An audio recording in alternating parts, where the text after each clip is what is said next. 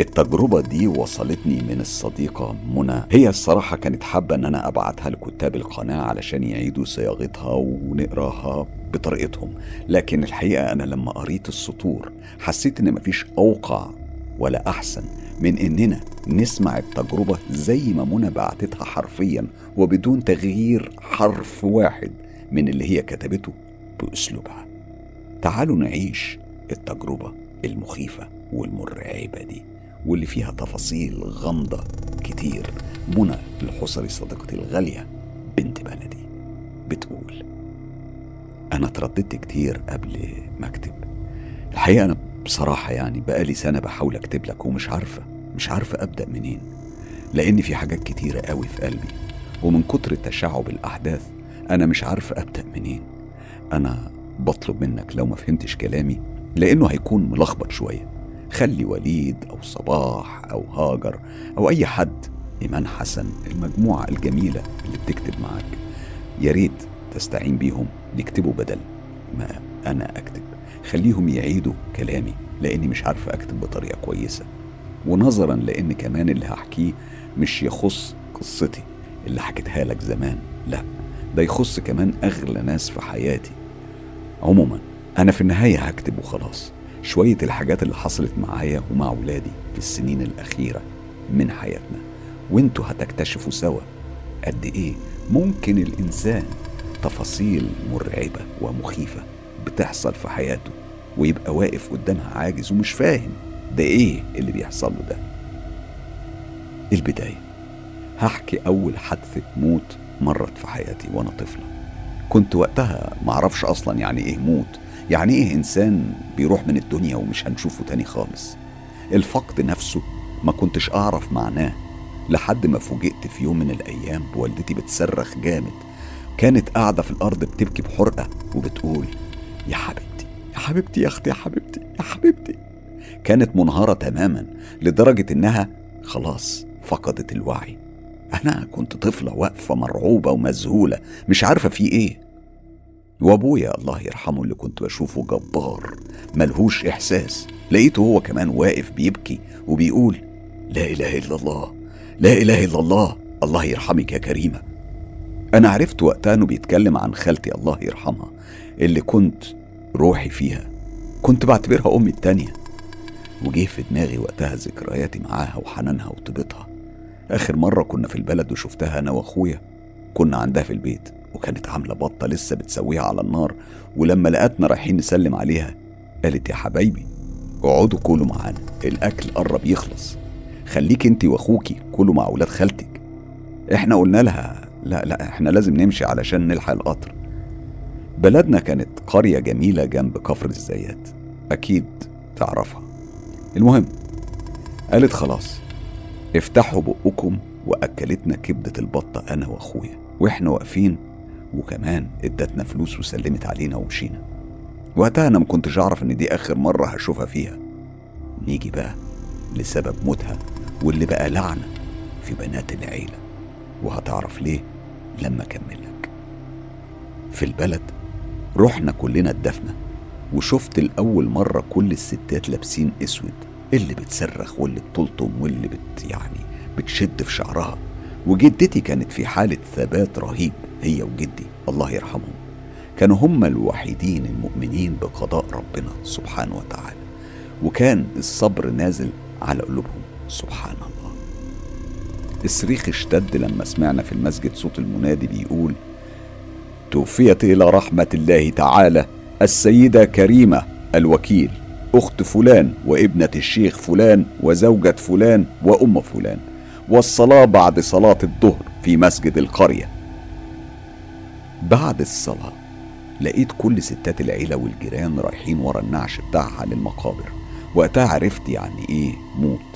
وعرفت مكان خالتي الأخير هيكون فين. روحت طبعا ورا أمي كنت ماسكة في جلبيتها وهي أصلا مش شايفاني. اتدفنت خالتي وكله رجع البيت. ومع عويل الستات عرفت بقى سبب موت خالتي. والحديث كان كالآتي. منها لله اللي كانت السبب.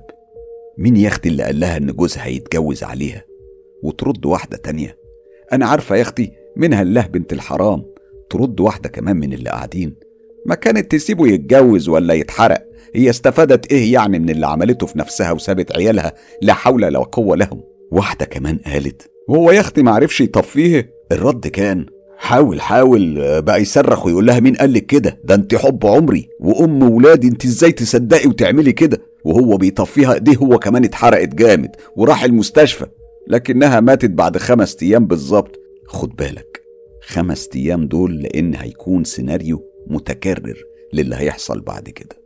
أيوه زي ما فهمت كده. خالتي ولعت في نفسها علشان كانت فاكرة إن جوزها بيخونها وكل ده كان كذب وافتراء. وراحت وضيعت نفسها بسبب مجرد كلام. الله يرحمك يا خالتي ويسامحك. بعد موت خالتي كل واحد رجع على بيته وبعد انتهاء مراسم العزاء والكلام ده. بقينا نسافر البلد كل خميس نزور المقابر بس أنا كنت بفضل أفضل عند جدتي.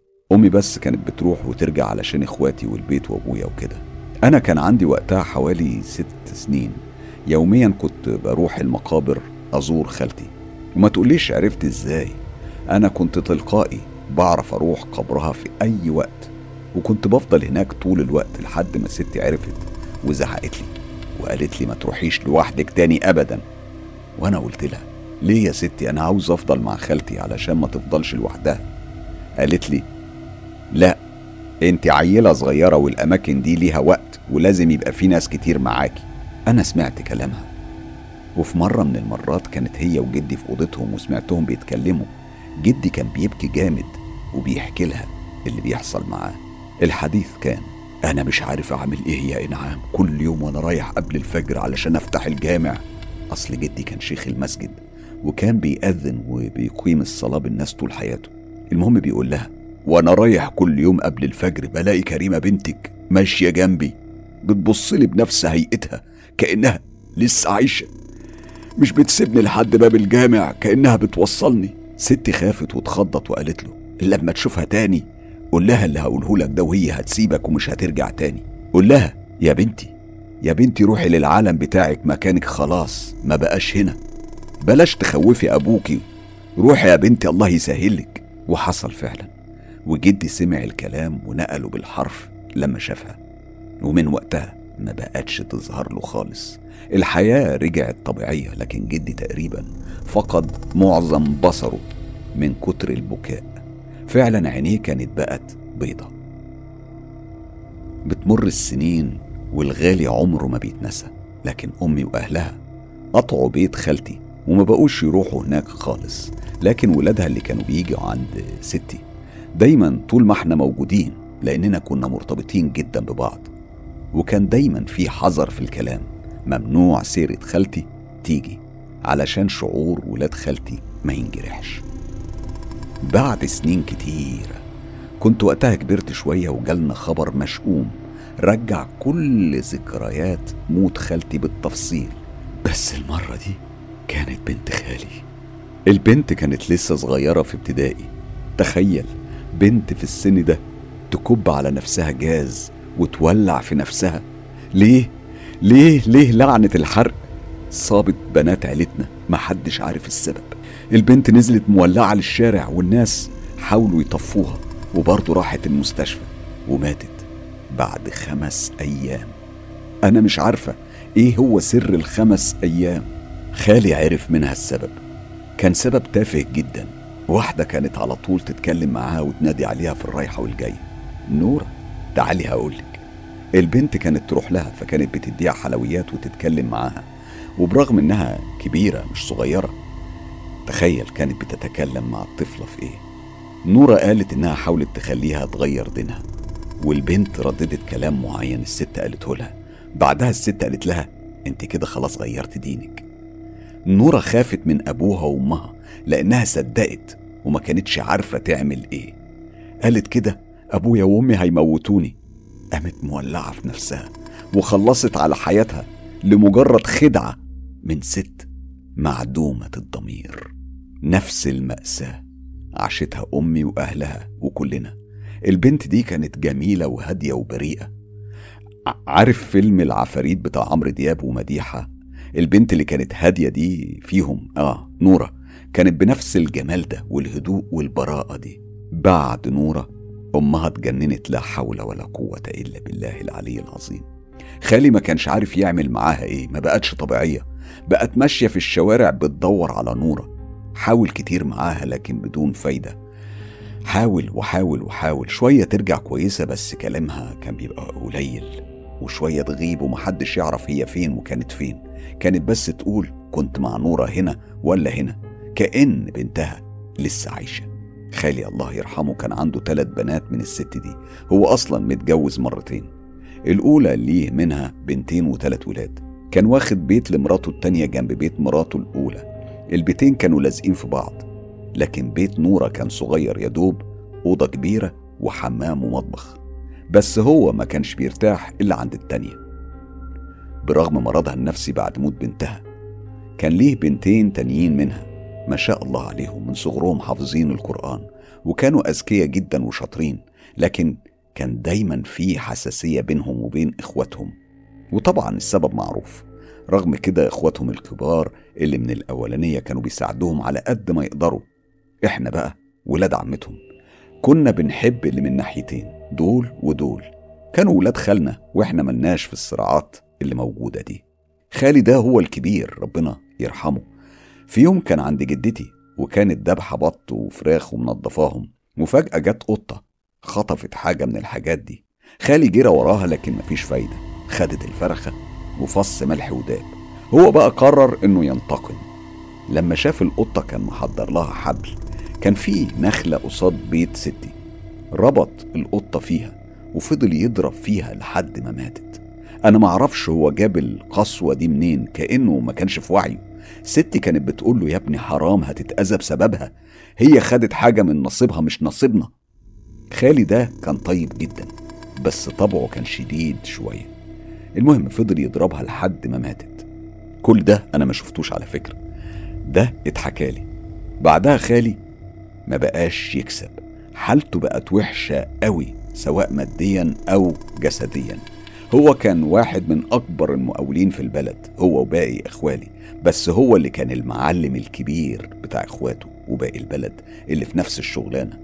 رزقه بقى ضعيف وحالته الصحية بقت ضعيفة وكبر قوي قبل أوانه لدرجة إن شعره كان بيض من كتر الكوابيس اللي كان بيشوفها. بعد نورة بكام سنة لقوه في أوضته بعد ما صلى العصر في الجامع. رجع بيت مراته التانية دخلوا عليه لقوه وشه في السرير وواقع على الأرض. يعني نص جسمه على السرير ونصه التاني على الأرض وروحه راحت عند ربنا ومات خالي. تقريبا كده من بعد موت خالتي وإحنا الموت ما سبناش هو كاس وداير. أنا بحاول أفتكر أكبر الأحداث اللي دايما في قلبي وبالي ومش بنساها. أنا قلت لك إني كنت بشوف وبسمع حاجات وبتحصل معايا حاجات كده. منها حاجات أنا ما حكيتش عنها زي إني لما كنت أروح بيت خالتي بعد موتها ما كنتش بعرف أنام لأني كنت بشوف خالتي وهي بتغطي عيالها وهم نايمين. وبعدها ألاقيها تختفي في الحيطة لما تلاقيني شايفاها. آخر مرة صحتني قالت لي يلا علشان تروحي عند ماما. كنت بشوفها في نص الليل في المطبخ بتعمل أكل بس لما أروح وراها كل حاجة كانت بتختفي. فضلت على كده لحد ما حرمت أروح أنام عندهم خالص من الرعب اللي كنت بحسه. أنا ما, ما كنتش بنام. وتاني يوم أول النهار لما بيطلع كنت بروح لستي أنام عندها طول اليوم. وطبعا ده ما كانش عاجب حد. محدش كان فاهم حاجة. وأنا أول مرة أحكي عن اللي كنت بشوفه. أما عن بيت خالي ما شفتش فيه لكن حسيت من أول زيارة بخنقة وضيق ورعب غير مبرر. وفي الحال مشيت. كانوا بيزعلوا وبيفتكروا إني مش عايز أروح عندهم وأنا طبعا مش هقول إني مش حاسة بالراحة عندهم علشان ما يزعلوش. لما كان حد بيموت كنت بحلم قبلها حلم معين. كل مرة حد يموت كان بيجيلي نفس الحلم. كنت بحلم إن بلكونة بيتنا مليانة هدوم سودة منشورة على حبل الغسيل وناس كتير واقفة بتعمل أكل كلهم من عيلة أمي واللي بيكون مش موجود في الحلم بيبقى ده اللي مات. أول مرة حلمت الحلم ده أبويا مات بعدها. حكيت لك قبل كده إن أبويا كان بيروح لبتوع أعمال يعملوا له عمل وإن مراته التانية يعني تحبه. ده كان سبب الأعمال اللي بيعملها. وكنت أنا شفت الحلم بتاع الغسيل ده. ولما صحيت أبويا جاله غيبوبة سكر وراح المستشفى. أنا زعلان إني بقول كده.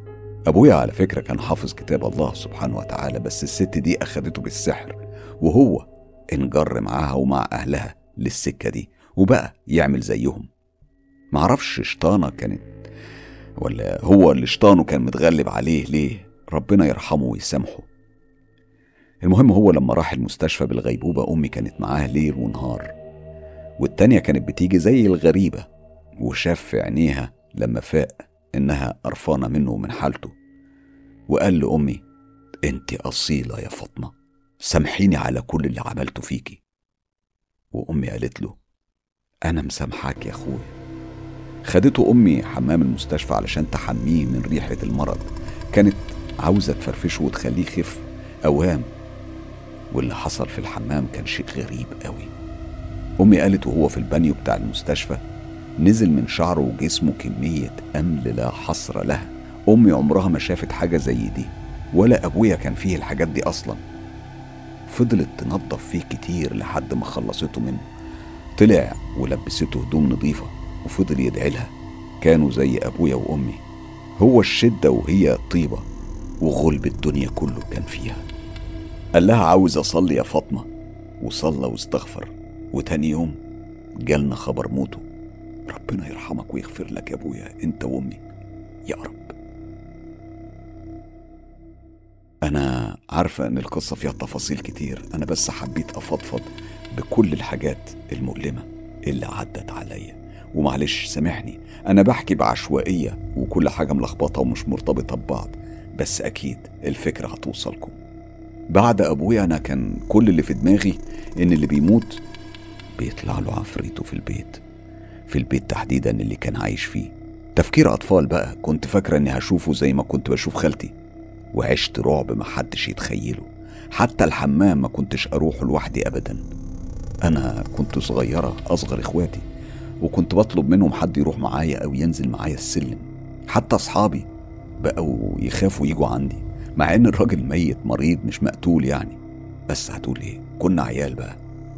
نيجي بقى بعد موت أبويا بكام سنة ومأساة حياتي اللي بجد كسرتنا كلنا بالأخص أمي. مشهد الحريق.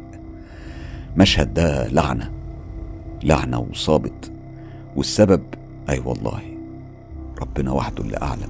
إيه هو السبب؟ إن أجمل وأطيب بنات في العيلة يموتوا الموتة دي وبإيديهم.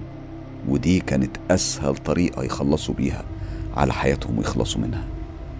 المرة دي كانت أختي أجمل واحدة فينا إحنا خمس بنات. أو كنا خمسة قبل ما تيجي بنت أختي من بيتهم تصرخ وتقول يا تيتا يا تيتا ماما ولعت في نفسها. نفس سيناريو خالتي وبنت خالتي. بيتكرر تالت. جرينا على هناك. بيتها ما كانش بعيد عننا لكن صريخ أمي كان بيتكرر. والمرة دي ضناها وروحها بنتها الجميلة اللي كل الناس كانت بتحسدها عليها. رحنا وشفنا النار ماسكة فيها والناس ملمومة وجوزها كان بيطفيها بس كانت خلاص حروق من الدرجة الصعبة. راحت المستشفى ومش محتاجة أكرر برضه خمس أيام. بس استنى أنا عرفت ليه خمس أيام؟ السر في اللي أختي عملته يوم موتها. كانت أختنا الكبيرة معاها حكت لها إن برضه جوزها بيخونها وإنها كانت بتخوفه بس ما كانتش قصده إنها تموت نفسها. وقالت اندهوله يشوفني وأنا كده علشان منظري يفضل يعذب فيه طول العمر.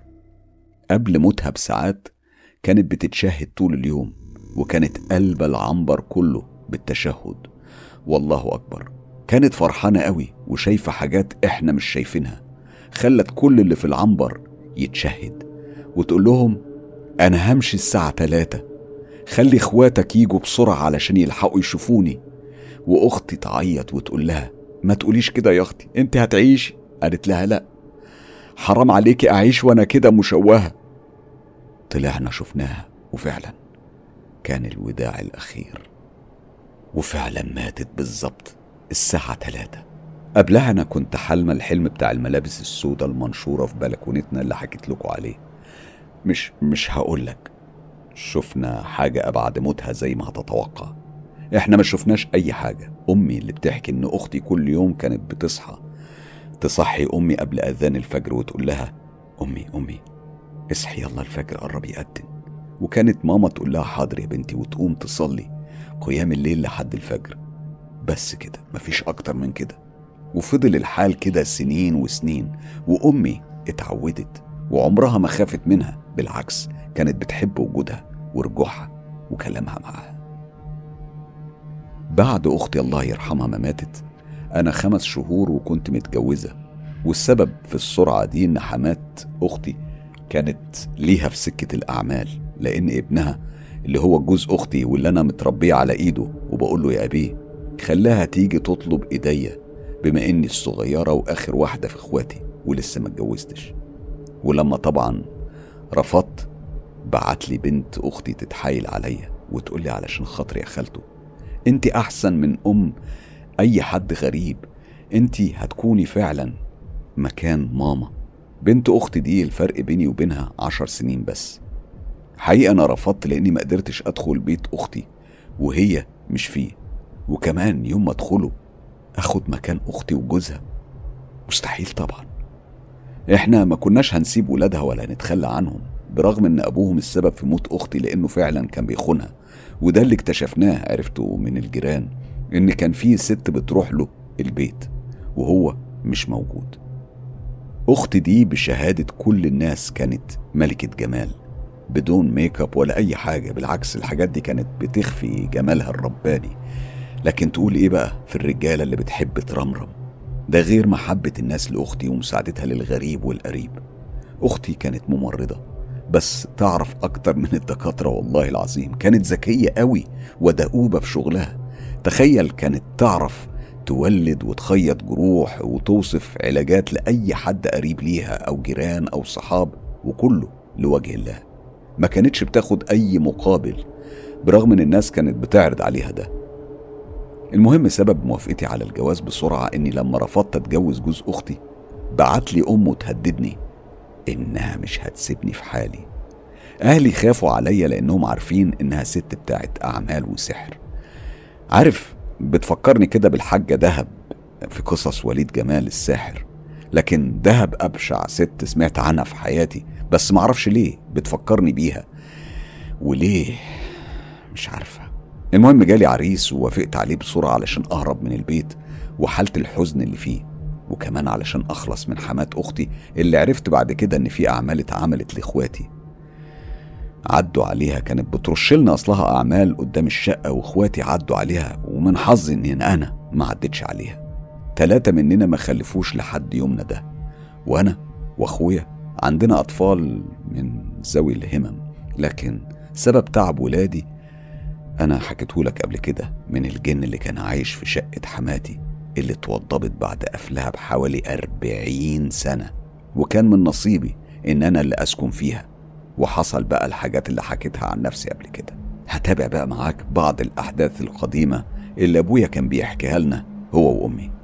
من الحكايات اللي كان أبونا بيجمعنا ويحكيها لنا أيام الشتاء والبرد والليل الطويل واللي كنا بنفرح قوي لما يقول لنا تعالوا اقعدوا كنا بنتجمع قدام وابور الجاز عشان نتدفى زينا زي أي أسرة مصرية في الوقت ده وفي العصر ده. كان عمرنا لسه صغير. وبرغم الرعب اللي في قصصه واللي هو عاشها بكل تفاصيلها إلا إننا كنا بنكون مستمتعين قوي لما كان بيحكي وبيدخل في أعماق القصة أنا كنت بترعب وأروح أمسك في كم أي حد من إخواتي من الخوف والرعب. أنا فاكرة إنه حكى لنا إنه هو وهو شاب في الجيش لسه يعني. كان علشان ينزل أجازة كان بيسافر من بلد لبلد وفي يوم وهو راجع القطر تقريبا فاته. يعني هو القطر ده كان بيجي من مصر اللي هي القاهرة بس إحنا كناس عايشة في محافظات كنا بنقول عليها مصر. وكان بينزل كفر الزيات وبعدين يستنى القطر اللي بيروح بلدنا. القطر ده علشان يدخل بلدنا هو عبارة عن خط واحد ملهوش رجوع. يعني هو قطر بيروح لآخر الخط وبعدين بيحود الونش ويرجع من نفس الطريق اللي جه منه. بمعنى إن هو لو فاته القطر لازم يستنى خمس ساعات. يوميها القطر عدى قدام عينيه. الساعة كانت بعد نص الليل بشوية فقال لنفسه ما بديهاش. شكلك كده يا واد يا جلال ليلتك طويلة. وكمان شايل الأفرول بتاع الجيش وطالع عينيه وتعبان. كان عاوز يوصل البيت بسرعة. المهم قال خلاص البلد مش بعيدة دي ساعة من المشي وهكون في الدار. المهم مشى على طريق القضبان بتاع السكة الحديد وهو مطمن إن مستحيل في أي قطر هيجي في الوقت ده. السبب إن خلاص القطر مشى من قدامه. يعني عبال ما يوصل نص المسافة هكون أنا روحت. قال لنفسه الدنيا كانت كحل ويدوب نور القمر اللي منور له. الكلام ده يعني خليكم فاكرين. ده يجي من حوالي سبعين سنة دلوقتي ويمكن أكتر. يعني والقرى ما كانش فيها إضاءة والكلام ده. هو فضل ماشي ماشي. لقى شخص ظهر له من الناحية اللي جنبه. أصلا جه منين مش عارفين. نص السكة كانت القطر وعلى الجنبين كانت أراضي مزروعة وغيطان ذرة. أبويا زي ما حكيت كان قلبه جامد. فبص للي جه جنبه وقال له إيه يا عم انت خضتني انت جاي منين؟ الشيء أو الكيان ده مردش عليه. فقال لنفسه والدي يعني طيب نتكلم ونتسلى. شكلك انت كمان فاتك القطر ورايح على الدلجمون برضه. اللي جنبه فضل ماشي خطوة بخطوة وما ردش بكلمة. أبويا حس إن شعر جسمه كله وقف لما لقى الشخص ده غريب كده وعينيه مش واضحة. يعني والدي بيقول إن ما كانش له أي ملامح خالص. أبويا سرع خطوته وبدأ يقرأ القرآن في سره. بيبص ما لقاش حد. بعد شوية عدى على الترعة بتاعت البلد وكان خلاص قرب يوصل للبيت. وهنا لقى نفس الشخص ماشي على وش المية وبينادي وبيقول جلال جلال جلال. أنا هنا. أنا هنا. مش كنت عاوزني أكلمك. أبويا قال له هو أنت منهم يا ابن الكلب؟ ومسك طوبة وقعد يحدفها على العفريت ده. وكل ما يحدفها ما بتجيش فيه وتعمل صوت في المية. ومفيش غير صوت صرخات جاية من الشخص اللي في المية أو على المية. أبويا خد في بعضه وجرى. كان بينهج جامد. الخوف دب في قلبه. مهما كان قلبه جامد بس في أوقات لازم أي إنسان بيخاف. ودي كانت من اللحظات اللي أبويا اترعب فيها فعلا. وأخيرا وصل الشارع والشارع عبارة عن بيوت يمين وشمال. آخر الشارع سد مسدود يعني واللي سده ده يبقى بيت سيدي وستي الله يرحمهم. لقى بقى مين واقف مستنيه. لقى نفس الشخص واقف بيعترض طريقه. أبويا قال له الله يلعنك ابن كلب. ما بقاش عارف يعمل إيه. المهم جرى من جنبه وراح للبيت وبدأ يرزع على الباب. افتح ياما افتح ياما افتح يابا الحقوني هموت. طبعا هم كانوا نايمين بس صوته صحاهم وأخيرا فتحوا له بعد رعب طويل. وهو بقى كان واقف بيخبط بيخبط الطوب. كان بيتحدف عليه من كل مكان. ستي لما فتحت الباب شافت المنظر بعينيها. قالت له يا ضنايا يا ضنايا يا ابني خش بسرعة خش. أنا أنا هتصرف. دخل أبويا وهي كانت ست ما شاء الله طول بعرض وقوية من ستات زمان دول وقالت له والله يا عوض الله في سماه لو ما مشيت لأقول لأبوك يعلقك وإياك تعترض ابني أو حد فينا تاني. وفعلا ضرب الطوب سكت ودخلت ستي ولعت الحطب وشغلت الكانون وسخنت أكل لأبويا. وحكت له قالت له يا ابني ده عوض ابن عمك عبد القادر يا قلب أمه بقاله أسبوعين ميت. الجرار دهسه وهو بيروي الأرض وللأسف كان جرار أبوه ومحدش شافه. الواد اتفرم والجرار كان فيه لسه بقايا لحمه وفضل ماشي ماشي بيه لحد ما وصل هنا الشارع.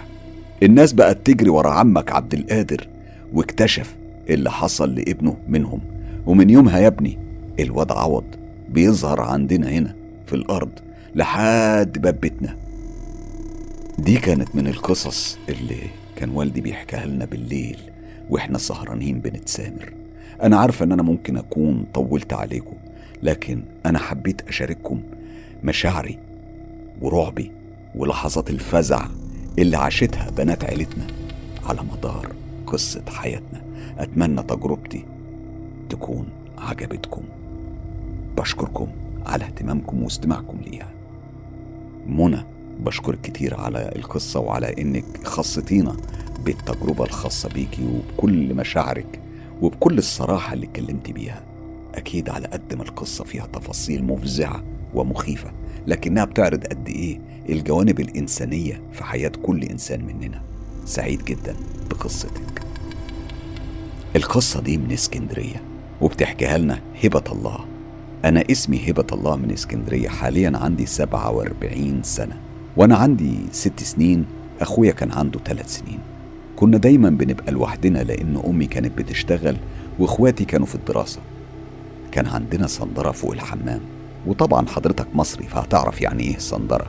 فكنا بنشوف في الصندرة دي واحدة ست عجوزة وشها مكرمش فوق الصندرة وكانت لابسة أسود ودايما مولعة شمعة وبتكتب بريشة سودة. الست دي كانت بتختفي أول ما حد يجي. أنا عمري ما أقدر أنسى أبدا نظراتها اللي كان فيها الحنان والحب كأنها جدتنا.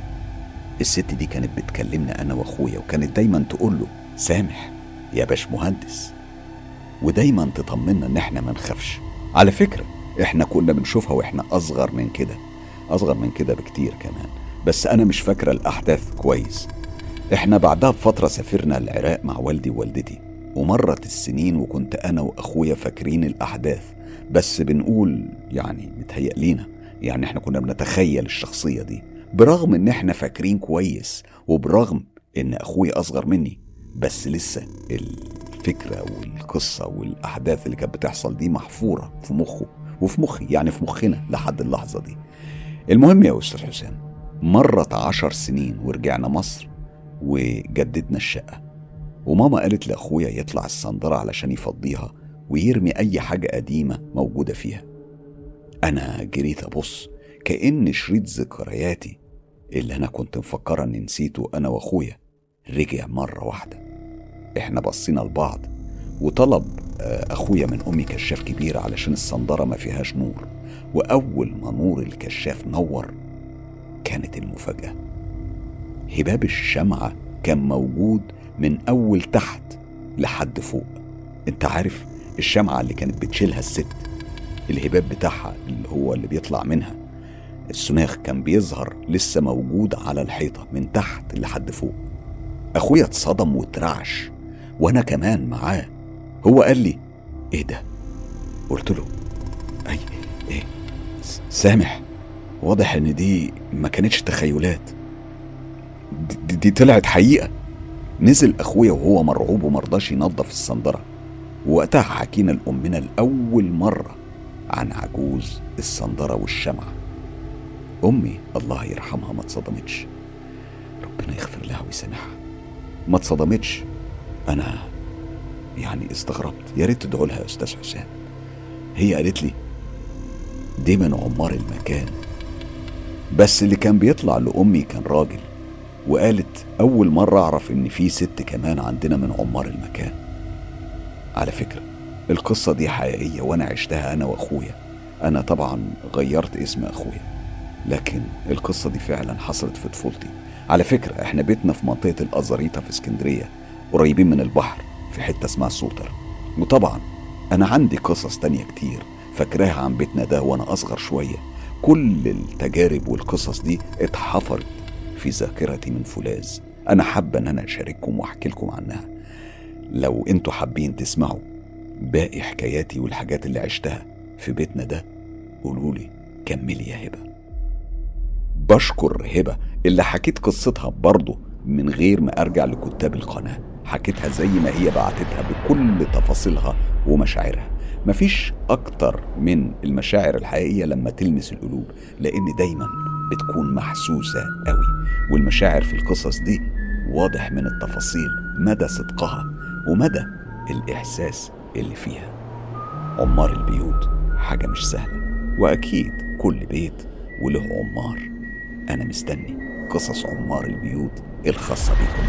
أنتم لو عندكم تجارب حقيقية وحصلت بالفعل ليكم أو لحد من أصحابكم وحابين تشاركوا بيها أصدقاء مستر كايرو ابعتوا التجارب على الصفحة الرسمية للإعلامي حسام مصباح على موقع التواصل الاجتماعي فيسبوك أو على موقع صراحة أو تطبيق تليجرام كل الروابط دي هتلاقوها موجودة في خانة الوصف للحصول على كل الحصريات.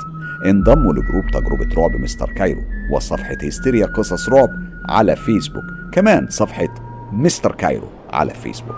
أما بقى لو حابب تدعم تجربة مستر كايرو ادعمه بالاشتراك في القناة الإعجاب بالكليب طبعا لو عجبكم. بتمنى إن أنتوا تشيروا الكليب في كل مكان واتساب ماسنجر إنستجرام وأخيرا يوتيوب. خلي الدنيا كلها تعيش تجربة مستر كايرو.